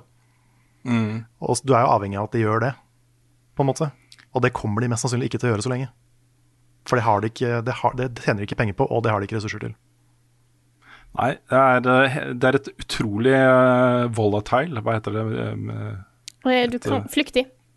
Flyktig marked. Flyktig marked, Det er, det- Ja, fint ord. alle som går inn i NFT-er og krypto nå, må være klar over at dette er utrolig flyktig også. Og det er ikke gitt at det, de pengene du legger inn i disse tingene, kommer tilbake. Eh, eh, kanskje du tar på det. Det må liksom alle være forberedt på at kan skje. da. Mm. og ikke bruk, eh, ikke bruk alt du eier og har for å investere fordi du forventer at det skal gå i taket, liksom. Det er sånne som de, da, som eh, spekulantene lever av. Det er, mm. det er de som sitter her med svarteper, de som går inn med altfor mye penger. Fordi de tror det skal gå mye mye høyere, og så gjør det ikke det, og så eh, er det krise. Så bare vær klar over det, ikke bruk penger du ikke har. Nei. Da velger jeg å lukke dette ekspertpanelet om NFT-er. Som eh, Ja. Kan, kan jeg si én ting til? Ja, ja. Eh, for jeg, bare, jeg tror også at vi eh, kommer til, et, til en, en tid og et system der hvor digitale gjenstander får en verdi, og at det blir en slags Jeg håper jo på en slags spennende ny demokratisering av, av det. Det å eie ting The digitalt. metaverse. The Ja, jeg har ikke lyst til at Mark Zuckerberg skal gjøre det heller, merker jeg. Men, men liksom, ja, Ja, bare fortsett. Bare men, jeg, men jeg tror ikke vi er der ennå. Jeg tror ikke dette er veien. Og jeg tror ikke det er sånn vi kommer oss dit. Det er så morsomt at det går en sånn sak eh, rundt nå eh, om The Metaverse, hvor noen har hatt et bryllup. Og det, det er to sånne der utrolig dustete, low-tech, uh, skikkelig kjipe figurer som står der bare sånn oppsatt ved siden ja, av det har jeg sett bilder av. ja. Åh, Så det hauses opp som ah, dette er Metaverse, folk kan gifte seg, ikke sant? og så står det folk der. Det er jo har blitt gjort i årevis Ja, ja. i spillet allerede. Altså, Charlotte har gifta seg sikkert sånn fem ganger i Final Fantasy 14, så det, Ikke sant? dette er ikke nytt. Og folk har jo faktisk nytt. hatt bryllupsfester i Animal Crossing. Ja, ja. Mhm.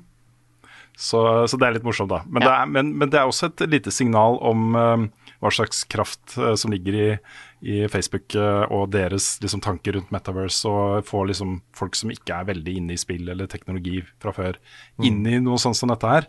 Og det jeg gleder meg til da, er at hvis dette blir kjempestort og blir liksom etablert som the Metaverse, alle de der sub-verdenene, ikke sant, de, de litt sånn skitne undergrunnen, Sånn Second Life-greier.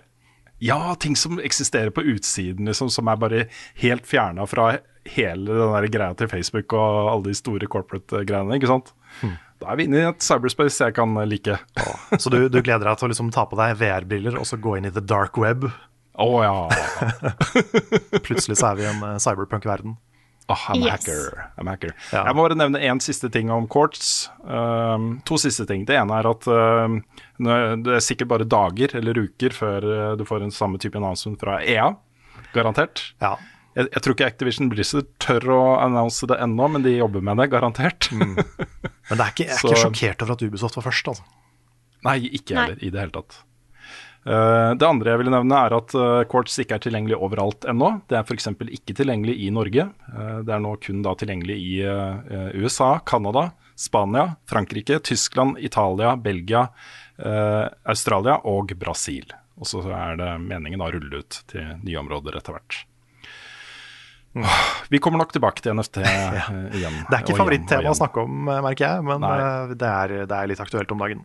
Og vi prøver å lese Tror- oss opp mer og mer for hver gang. Ja, Jeg tror jeg skal prøve å få lagd en guide. Dette er NFT, liksom. Det tror jeg man, man, man trenger det. ja. Bare pass på at du gjør det før du kjøper noen, for etterpå så kommer du til å bli sånn her Oh my god, dette er så bra! Ja, Yes. Uh, du, jeg har et, jeg har et, uh, hoff, jeg har et NFT-spørsmål der også, jeg, som er lagt inn fra uh, Vi kan komme tilbake til det i spørsmålsspalten. Jeg bare flytter det ned Ja, ok. eh, etterpå. Ja. Eh, og så har vi et annet spørsmål som vi har fått fra Steamroller Man, som er en innledning til neste nyhetspunkt. Eh, og det er Er utkastingen av kua hos Raven Studios så ille som det kan virke ved første blikk på Twitter? Kanskje ta en oppdatering av status hos Activision Blizzard. Og saken er jo da at ca. en tredel av QA-avdelinga, og det er QA er da Quality Assurance, det er de som sørger for at ting funker som det skal i spill. En viktig avdeling, eh, men også ofte en, en dårlig behandla avdeling hos eh, spillselskaper. Ja, de er på en måte taperne i spillindustrien sånn sett. De, ikke, Ja, ikke, at, ikke at de er tapere, men at de taper. De, de får Ja. de dårligste arbeidsvilkårene. De, får, de er på en måte på, på bånn av rangstigen. Da. Ja, og så kommer det ut historier sant, fra, internt fra store selskaper hvor det kommer fram da, at de blir behandla dårlig på jobben av de andre som jobber der, til og med. Det blir uglesett, liksom. eh, som en ikke nødvendig del av. ikke sant? Ja. Uh, men, men tilfellet er i hvert fall uansett at, uh, at ca. en tredel, rundt eh, 20 tror jeg, ved 12, eh, ja, 12 eh, der, men eh, litt flere andre steder, eh, i Raven eh, fikk sparken. Og dette var jo da eh, har det kommet fram etterpå. Eh, folk som er på, på kontrakt, ikke fast ansatt.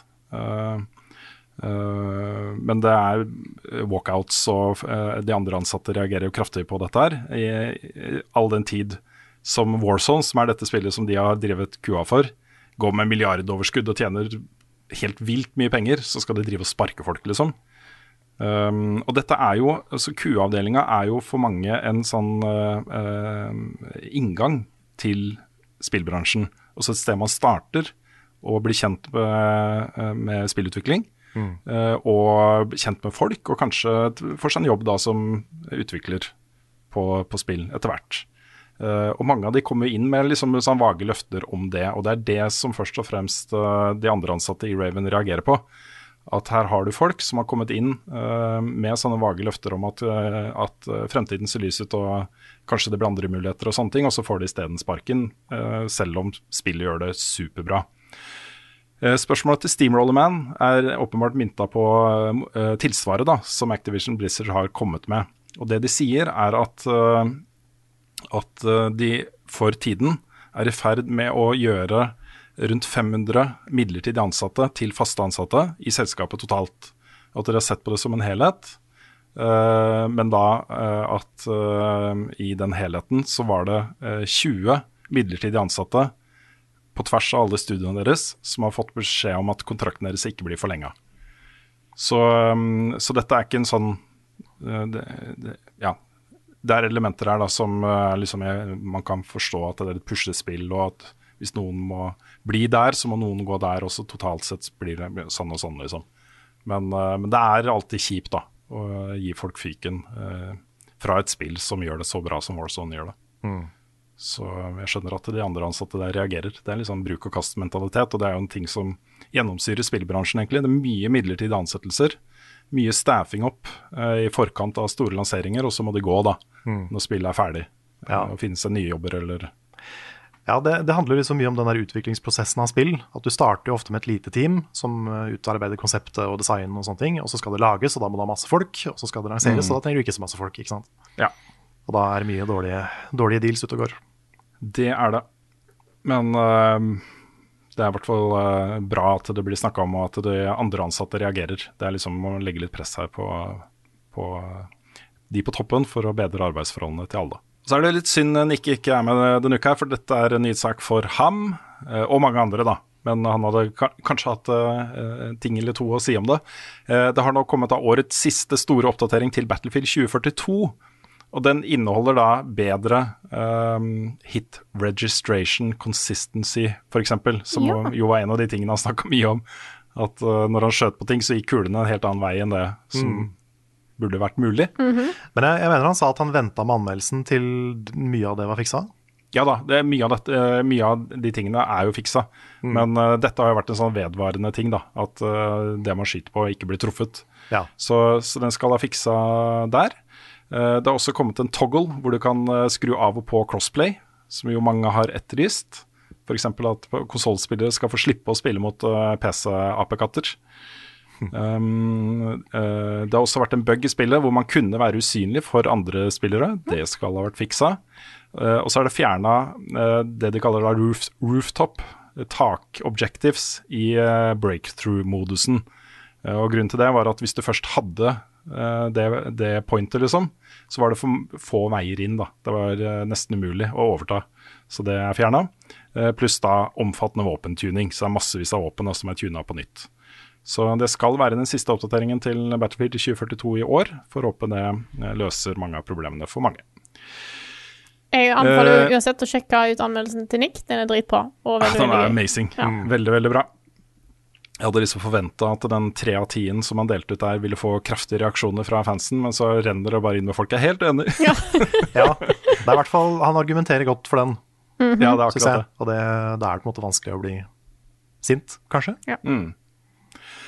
Eh, ja, Final Fantasy 14 uh, tok jeg jo i stad, men da avslutter jeg nyhetsspalten med et rykte uh, om at det vil komme en GamePass-lignende tjeneste på PlayStation til våren. Eh, og Det vil da være en tjeneste som vil inkludere både PlayStation Plus og PlayStation Now, pluss da noe nytt. Um, ifølge ryktet da, så vil den ikke være like dagsaktuell som det GamePass er. Eh, og det er litt synd å høre, da, for det, det føler jeg den tjenesten må være. Ja. for å kunne konkurrere mot GamePass. For gud bedre, den er bra nå, altså. Den er det. Men den er litt sånn merkelig bra også. Fordi jeg Mm. skjønner ikke hvordan det regnestykket går opp. Det at Nei, det gjør egentlig ikke jeg heller. Mm. det er et mysterium, liksom. Jeg lurer på om det er fordi Microsoft har så mye penger at de kan gjøre det. Ja, jeg tror det har mye med det å gjøre. Så det er kanskje umulig for Sony å konkurrere der. Mm. Ja, det ikke. kan hende, altså. Men, uh, men det er i hvert fall um, bra at det gjøres ting der. Mm. Jeg, jeg, er jo glad i abonnementsløsninger på spill, hvis man får da tilgang til de nyeste tingene, liksom. Uh, og da tenker jeg at det nok er en mulighet for at Sony introduserer en veldig sånn premiummodell der, da. Hvor du betaler en god del mer, men da vil du kunne spille nye God of War på lansering, f.eks. Mm. Uh, så Ja, vi får se. Kanskje. Men de har også snakka om at det skal være fokus på retrospill Mm. på den. Uh, og det også er jo kult, for det er jo ikke noe det er jo ikke noe backwards compatibility på PS5 til noe annet enn PS4 akkurat nå. Så du har jo PlayStation Now som du kan spille noe PS3 og, og sånn. Men hvis det, hvis det blir mer robust, Mm. så er det inne på noe. Ja, det er, det er noe. Det er noe.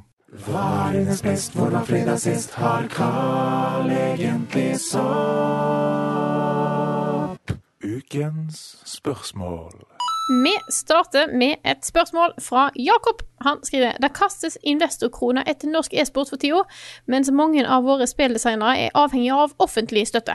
Er det for få norske spillstudioer Ja, det er sånn det blir. Yes. Eh, som går inn for å tjene ordentlige i hermetegn penger.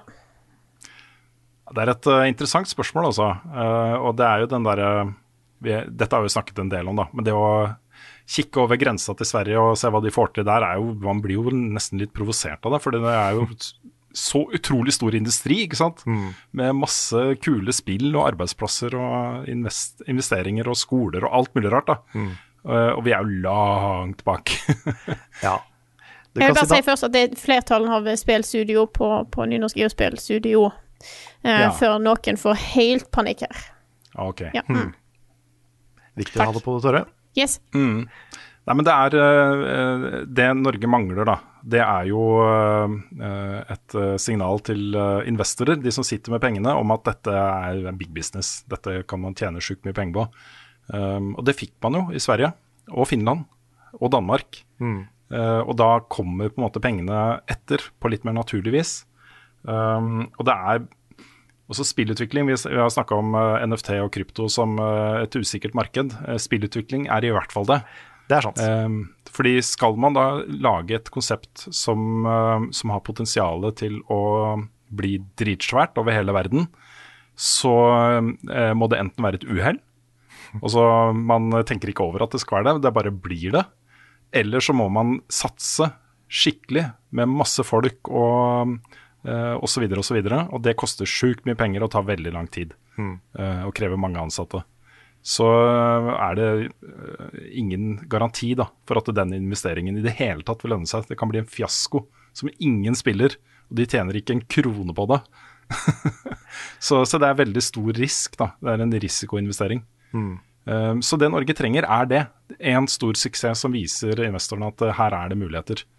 Um, og det har vi bare sånn delvis hatt da med Funcom um, og et par mobilspill. Um, uh, Funrun og uh, Wordfeud har jo blitt svære greier internasjonalt, liksom. Så, så det, er, det, det er det vi trenger. Og de, de pengene sitter så langt inne. Så jeg snakka mye med norske utviklere om det. Det å hente inn penger til utvikling fra andre enn staten er nesten umulig. Um, men det kan hende at det er ting på gang nå med uh, den her svære investeringsgruppa i, i Sverige. Som jo eier massevis av spillselskaper nå over hele verden og investerer sjukt mye penger inn i spillutvikling. Uh, Embracer Group, da. det kan jo hende at de også får litt øynene opp for noen norske utviklere etter hvert, og at det hjelper de da, til å komme til det neste nivået. Så den ene siden av det, andre siden av det er at jeg opplever det som om veldig mange av de norske selskapene ikke har, har lyst til å satse på, på den type spillopplevelser. da. Nei, men det skjønner jeg. Fordi i Norge så er det er veldig mange studioer som er glad i de litt mer sånn intime indie-perlene, liksom. Og jeg også er jo glad i de. Jeg er veldig glad for at ja. norske spill fokuserer mye på det. Det som er synd, er jo den pengebiten. At det er ikke det som trekker mest investorer og den slags. Med mindre det blir Mm. dritsvært, da. Ja. Men vi har jo vi har Red Thread Games med Ragnar Tørnquist fra Funcom da, i, i spissen, som jobber med Dustborn. Som jo har potensial til å bli en sånn herre uh, eh, tier 2-type utgivelse. Altså, du vet en av de store indie-utgivelsene som ender opp med å selge et par millioner eksemplarer og blir uh, ganske stort. da. Mhm. Eh, det ligger liksom på det sjiktet i, i, i, scope, i ambisjoner. Um, mens ting som ja, Mørkredd, da, uh, f.eks., som også kunne kanskje ha vært der, men som først og fremst var et spill som, eh, som Hypergames lagde fordi dette brant de for. Dette hadde de virkelig lyst, lyst til å lage. Eh, og da er Deres neste spill har mye høyere kommersiell verdi, med Snusmumrikken som hovedperson og sånne ting. Og Mummitrollet er jo dritsvært over hele verden. Mm. Så plutselig så kan det bli en sånn type suksess, da, hvis det er skikkelig bra og mange spiller det og kjøper det og sånt. Så øh, det, er øh, Norsk spillbransje er for liten, rett og slett. Det er for få mennesker. Det er 300 og et eller annet personer som jobber med spillutvikling i Norge. Eh, mange av de i Funcom, eh, og da er liksom resten fordelt på en del mindre selskaper. Da. Mm. Um, Det er jo det er mange investorer som har fått øya opp for e-sport. Fordi liksom e-sport, der er penger. Eh, men det er, det er litt synd at det er Altså det er, det er bra at e-sport får oppmerksomhet, men det er litt synd hvis det går på bekostning av spill generelt. Ja, men det tror jeg ikke det gjør. Nei, jeg Nei, håper jeg ikke tror det er to Jeg håper ikke det. Jeg tror Ja, det er to jeg- veldig forskjellige ting sett på. Mm. Jeg håper dere har rett i det. Mm. At ikke det liksom fordi, fordi det er mye snakk om e-sport. Det er mye sånn fokus på at det er det som er det store nå. Mm. Så jeg håper ikke det liksom overskygger spillutvikling. Da. Nei, men det er jeg ganske sikker på at det ikke de gjør. Altså. Det er nok, nok penger til å investere i spill også. Hvis, øh, men, men det er bare den der usikkerheten om de noen gang får pengene sine tilbake eller tjener penger på det, som, som gjør at de ikke investerer. Mm. Så vi må ha noen sånne uh, Battlefield-lignende suksesser her. Vi må vise, vise investorer at uh, det er penger å hente. Um, kanskje kombinert med en enda større satsing fra staten. Da. Fordi det er ikke noe tvil om at, uh, at uh, spillindustri er potensielt uh, noe ganske stort for liksom hele landet vårt. Uh, kan bety utrolig mange arbeidsplasser, uh, mange penger inn til statskassa, mye for skoleverket uh, osv. Så, videre. så um, det, er ikke noe, det er ikke noen grunn til at ikke vi også skulle komme nærmere, i hvert fall. Der hvor Sverige og Finland og Danmark er. Så det hadde vært gøy da, hvis det dukka opp noen ting her, Mm. syns jeg. Det skal vi ta neste spørsmål her. Kjør på. Har dere et eh, på lager? Ja, jeg kan ta et fra Fredrik Rysjedal her, Mm -hmm. uh, som jeg ikke har lyst til å gå sånn voldsomt i detalj på, men uh, eh, det er et legitimt spørsmål. Uh, og han skriver da at han ikke er noen first person shooter-spiller. Eh, men det er alltid snakk om spillere som jukser, og det eh, er alltid snakk om eh, Det har vi snakka om i Spilluka-podkasten, men sjelden hva jukset går ut på. Så hvordan jukser man i COD og lignende multiplayer-spill? Kunne sikkert googla det, men eh, morsommere å høre oss fortelle om det. Og nå La du merke til, Frida, at du oversetter bokmål til nynorsk, og jeg gjør omvendt. Du var veldig flink. Var veldig, Ja, takk, takk. Ja, ja. takk, takk. Nei, altså, det er jo Aimbots er den mest vanlige. Ja, du har program man, som kjører. Et program som kjører som gjør at eh, du bare automatisk eh, sikter på, og i mange tilfeller bare skyter. Umiddelbart, liksom. Du trenger ikke å gjøre noen ting. Du kan bare gå rundt, Mm. og så gå liksom eh, Sikte blir- rett på hodet til motstanderne. Ja, det blir litt som å la en bot spille for deg, på en måte. Ja, det gjør Det blir. Så har du wallhacks, er jo også en, en ekstremt vanlig uh, jukseting. Hvor man kan se gjennom vegger og se hvor fiender er. Eh, og da mister, mister man jo taktiske, eh, taktiske elementet fullstendig. Helt borte fra CS og den type spill. Da. Så det er rett og slett program eller skript som kjører i bakgrunnen, da. Og gir ting for deg som ikke nødvendigvis er mulig i spillet, eller mulig fysisk eh, for, for normal humans. Mm. Og det er jo mest utbredt på PC, men det har jo vært eksempler på konsoll også. Mm, men det er klart størst øh, problem på PC også. Mm. Så, men det er jo en sånn Jeg, jeg syns det er veldig ødeleggende for øh, spilleopplevelsen at det skjer. Og det er øh, ikke så mye jeg har opplevd det selv, men jeg spiller jo en del um, en PVP-modus i Destiny som heter Trials of Osiris. Uh, som er avhengig av at du vinner sju matcher uh, uten å tape. For å da komme til The Lighthouse, hvor det beste lootet er. Uh, og Hvis du da møter noen som jukser i en av de matchene, kanskje den sjette f.eks., og mister da muligheten til å gå flawless fordi de jukser, så er det jo utrolig bittert. da. Og Det man, eh, det man ofte, ofte har opplevd da, er at de har gått på IP-adressen til motstanderne f.eks., og DDoS-a de, sånn at de blir disconnecta fra internett. Åh, det er rått, ikk- ja, ikke sant. Eh, eller at de har sånn derre uh, lag switch, som gjør at uh, de lagger så mye for oss at det blir umulig å treffe dem. Hver gang vi skyter på de, liksom, så er de egentlig et helt annet sted. Vi bare, Ja. det? Det har også vært en ting i PVP i Souls, tror jeg. Ja, det kan jo tenkes. Lurer på, jeg har hørt om det. Mm. Så det er råttent, rett og slett. Skikkelig råttent. Så um, uh, ikke gjør det, folkens. Ikke juks i spill. Jeg har gitt uh, sønnen min beskjed om at hvis jeg noen gang tar han i å jukse i noen spill, da er det bortmalt av spillmaskiner. Det er helt bannlyst. I have no son. Ja, det, det blir ikke så ille, Nei, da, for jeg nei. skjønner jo at det er Ikke sant? Men uh, eh, han skal ikke bli en jukser også. Det er helt uaktuelt. Bortsett fra juksekoder i Sims, da er lov. Ja, det er samme lov. ting er jo Tony Hawk og sånn. Ja, ja, ja. Sånn big head-mode i Tony Hawk, det er good times. Jeg husker da jeg spilte uh, Tomb Raider med søstera mi, så var vi så lei av å, å drive og manage helsepakker hele tiden. Så da brukte vi en sånn der juksekode, eh, tastekombinasjon, som gjorde at vi fikk helsepakker. da. Så Ja. slapp vi å tenke på det, liksom. Ja, for jeg tror achievements drepte sånne koder. Ja. Mm. Det er litt synd, for jeg savner litt den tida hvor det var sånne morsomme cheat codes. Ja, det Ja, var det er sant. gøy. Som ikke gikk utover noen, liksom. Som bare er sånn gøy. Mm. Jeg husker da jeg fant at det fantes for eh, Sonic the Hedgehog på, på Sega Mega Drive. Så Mhm. du kan gå inn, i sånn edit-mode, bare spåne masse fiender. Ja, debug mode, ja. Mhm. Det var dritkult. Men dette her er, dette er sånn blast from the past som jeg, glemt, som jeg har glemt, som bare kom tilbake nå. Måten jeg fant ut av de kodene på, for det var jo før internett, Ja. det var at jeg var på, på danskebåten. Så fant jeg sånne dropspakker med Sonic Drops. Oi, Og bak på pakka så var det koder til Sonic 1 og 2 og 3 og sånn. shit. Wow. Så det var sånn jeg fikk eh, informasjonen min. Det kom en liten heisende jenta mi her eh, som jeg ikke klarte å stoppe. Det var eh, Hunden hunden min som har vært ute på tur og kom tilbake, og da er hun alltid så glad for å komme tilbake. Ja. kommer hun løpende bort, hopper opp. Nå vil hun opp og hilse på her.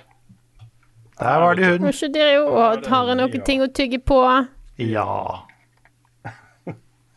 Livet er bra. Ja. Livet er veldig bra. Ja. Skulle vært hun.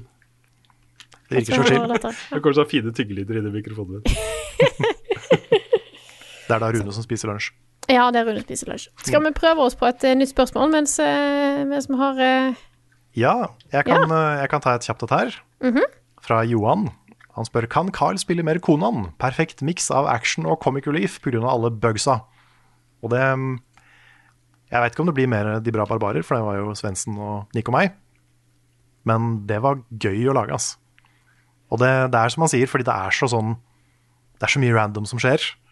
Flyvende neshorn og, og sånne ting. Som bare, det det er en av de morsomste tingene jeg opplevde hele år. Det var når Svendsen liksom slo et neshorn og bare fløy til himmels. Det, det er så mange bra øyeblikk i den serien. Og jeg syns jo Conan Exiles er gøy. Det er liksom Det har jeg kost meg mye med. Så sånn, jeg syns det er mye der som er bra, og det som er litt sånn røft, det er mest morsomt. Så jeg savner det litt. Det Jeg veit ikke om det liksom er et stort nok uh, holdt på å si seerpotensial for å fortsette De bra barbarer, men det hadde vært gøy å gjort det. Og så er litt sånn forsiktig med å ha for mange Let's Plays samtidig. Fordi Ja. plutselig så kan vi fra utsida se ut som en Let's Play-kanal. Men det er jo fordi eh, vi har helge-Let's Plays, og alt det andre tar lang tid å lage. Da blir det liksom mange Let's Plays, også. men det kan bli for mange òg. Så jeg er litt forsiktig med det. Men eh, det er jo aldri, aldri ikke gøy å spille med gjengen. Så um, kunne, kunne lett gjort veldig mye. Da har jeg lyst til å ta et eh, spørsmål her, men da trenger jeg litt hjelp fra deg, Karl. Ja, skal vi se. Just Ja. give me a sec. Yes. Bare, Bare se på litt. Rune står bare og holder hunden sin. Ja, hun ville ha veldig kos nå, fornøyd vet ut. du. Ja. Ja, hun ville ha litt kos. ja. Ja. Og stabam. Ukens Sin 4. Jeg betegner spill som jobb for dere, og for de fleste av oss så er spill en hobby eller livsstil. Har dere hatt en hobby som ikke er spillrelatert? Samler dere på noe, f.eks. frimerke, vase, kunst osv.? Nei. Nei. Da går vi videre. Nei da. Har, jeg har hatt noen hobbyer som ikke er spillrelatert. Kanskje først og fremst uh, jeg har vært glad i å tegne. Det har jeg vært veldig dårlig på i mange år, og så har jeg tatt det litt opp igjen i det siste. Sånn for, eh, for å lage characters til et uh, dating sim uh, fun game. Men um, Men det er jo også egentlig spillrelatert, da. Men det er tegning, da. Tegning er gøy. Jeg har tegna litt. Uh, ikke spesielt mye de siste åra. Det var mye mer, mye, mye mer før. Mm. Ellers er det liksom TV-serier og Og så er det ting jeg ikke er så flink til å gjøre ofte, men sånn bowling og minigolf og sånn er kos. Jeg innser at min level up-debut var jo en tegning jeg sendte inn til dere. Ja, det stemmer det. Ja. Var det Shadow, eller var det noe annet? Nei, jeg har tegna Shadow, men dette var vel uh, Vivi, tror jeg. Å ja, stemmer det. Du Ellers visste, er hva det du, jo du visste hva du skulle gjøre, vet du. Ja, ja. Ja, det stakk om på fri til, Mhm. fri til mottaker. Yes. Nei, jeg, eh, ellers har jeg, eh, har jeg vært veldig glad i fotografering. Det er heller ikke noe som har vært mye tid til um, de siste åra. Og nå har jo jeg tatt opp brodering. Ah, Oi. Så da har jeg begynt med Jeg, jeg, jeg, har, jeg er glad i liksom Jeg savner å ha noe som gir meg noe fysisk. Så derfor brodering, good shit. Eh, så jeg begynte litt i det små. Kjekt å ha og gjøre noe på toget, når toget tar sju timer. Så da, nei, da har jeg tatt opp. Ikke verst. ellers så vil Jeg si at Nei, du først. Jeg vil jo si at hvis, hvis i den grad jeg har en hobby, så er det nok eh, TV-serier. Det er på en måte en hobby å høre på podcaster. da. Jeg har jo tatt, tatt anbefalingen deres og hørt på Tingenes tilstand med Kristoffer Schou. og Ja! Jeg har bare så vidt begynt, men det er veldig bra. Ja, men så Jeg er ikke overraska over at du sier tingenes tilstand her, og ikke Two Bears, One Cave. Ja, nei, det er, det er, jeg, er, jeg er nysgjerrig på det nå, men jeg tror kanskje den er litt for mann for meg. altså. Ja, det er veldig mann, men det er Ja. veldig gøy. Ja, jeg har, det, jeg har, jeg har den på lista. Jeg har det.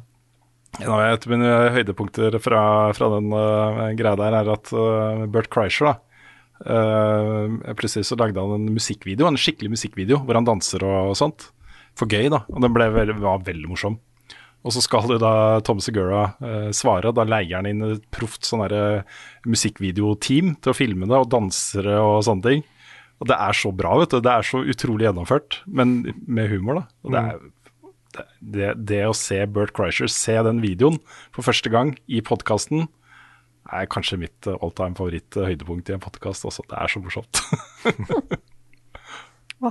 Men det, det var jo spørsmål om å samle på ting. Jeg tror jeg aldri har samla på noe. Sånn utenom sånn barneskolen. Og det er sånn, 'Nå er det dette her du skal samle på.' Bare sånn, ja, men da gjør jeg det. Mm. Det er ganske sånne sterke kulturelle strømninger i barnehagen, altså, i barneskolen. Sånn, eh, nå, nå er det POG, og så er det Pokémon-kort. Det skal du finne deg i. Og så er det Dracoheads. Ja, det var jeg aldri inne i. Nei, det var litt seinere i min barneskoletid, så det var nok etter de ti. Mm. Det kan nok hende. Men jeg husker det var en ting. akkurat før. Jeg husker det var en ting med Dracoheads. Ja. Jeg bare visste aldri hva det var. Nei, det vet ikke jeg heller. Det noe kanskje på det, Det kanskje Jeg går ut fra at det er noe huer av noen drager. det, det var veldig lite drager. Ah, ja. Og veldig mye bare rare plastikkfigurer eh, i forskjellige farger. Hmm. Som du bytta på, tror jeg. ja. Ok. Mm. Nei, det, Og så var noen sjeldnere enn andre, men du visste ikke helt hva. nei. Nei. Nei, det eneste jeg egentlig har samla på, er sånne Final Fantasy strategy guides. eh, fordi de har, de har sånn veldig fin concept art i seg. Ja, Så det er liksom det. både guides og artbooks igjen. Så de er kule. Jeg føler at det har skjedd eh, noe med min egen sånn samle. fordi jeg har vært i sånn Hvis jeg først blir interessert i en forfatter for eksempel, eller en tegneserie eller et eller annet, så vil jeg gjerne ha alt. Liksom. Jeg føler at den samlinga bør være komplett. da. Mm. Men nå som alt er digitalt, liksom, så jeg har ikke så mye den lenger. Nei, det er liksom ikke så mye å fylle hyllene med. Nei. Jeg fyller hyllene med planter. Jeg samler på planter. Da tror jeg egentlig jeg må innrømme. Jeg eh, har nå eh, nylig så var det En venninne av meg sa at hun hadde over, fem, over 30 planter, og jeg fant ut at jeg hadde 35. Det er 35 hey, planter i min leilighet. Du Det er, det. Mm. det er 35 flere enn det er i vår eh, leilighet. Ja, samme her. Jeg, har, eh, jeg hadde dobbelt så stor leilighet òg, så hun har mer planter per, eh, per area enn meg. Ok. Så jeg har fortsatt eh, Jeg kan fortsatt step up the plant game. Nice. Mhm, mhm. Nei, men da Skal vi ta en runde av, eller? Ja. Ja. Så Rune gjøre. kan kose meg med hunden sin? Ja. Ja. Hun tvinner meg rundt labbene, labben altså. Det er uh, Når du står der med ballen i munnen og vil leke og sånt, det er vanskelig å si nei, altså. Åh, det er da. Vanskelig Disse å si dyra. nei. Ja. Ah, nei, men da sier jeg at denne podkasten her er Level Backup, utgitt av moderne media. Låten i introen og outroen er skrevet av Ole Sønnik Larsen og arrangert og framført av Kyoshu Orkestra. Vignettene er laget av fantastiske Martin Herfjord. Du finner mye mer av vårt innhold på youtube.com slash levelupnord og twitch.tv slash levelupnord. Eh, ja. Nei, jeg trenger ikke si det noe mer der. Nei, det var bare det. Eh, vi har òg en Discord. Discord.gg slash levelupnorge, så hopp inn der. Der er det alltid god stemning. Vi har en eh, shop for merch. Eh, Levelupnorge.myspreadshop.no er linken der, så hopp inn der og se hva vi har, hvis ikke du har gjort det allerede. Og støtt oss gjerne på patreon.com slash levelupnorge hvis du vil at vi skal fortsette å lage masse sånn eh, gøy innhold. Vi syns i hvert fall det er gøy, så håper jeg at dere syns det er gøy å høre på og se på i tillegg. Så tusen takk til alle som støtter oss. Dere er bra folk. Og ikke minst, følg med på kanalen i, eh, til neste uke for litt eh, spennende announcements. Ja. Mhm. Og eh, ikke minst så er det veldig snart tid for Level Up Awards, hvor vi skal gi ut masse priser til spill fra spillåret 2021. Så vær klar for det. Det er mye hype for, foran oss, altså. Det er det. Mhm, mhm. All right. Men da sier vi tusen takk for denne veka her, og så snakkes vi igjen neste veke.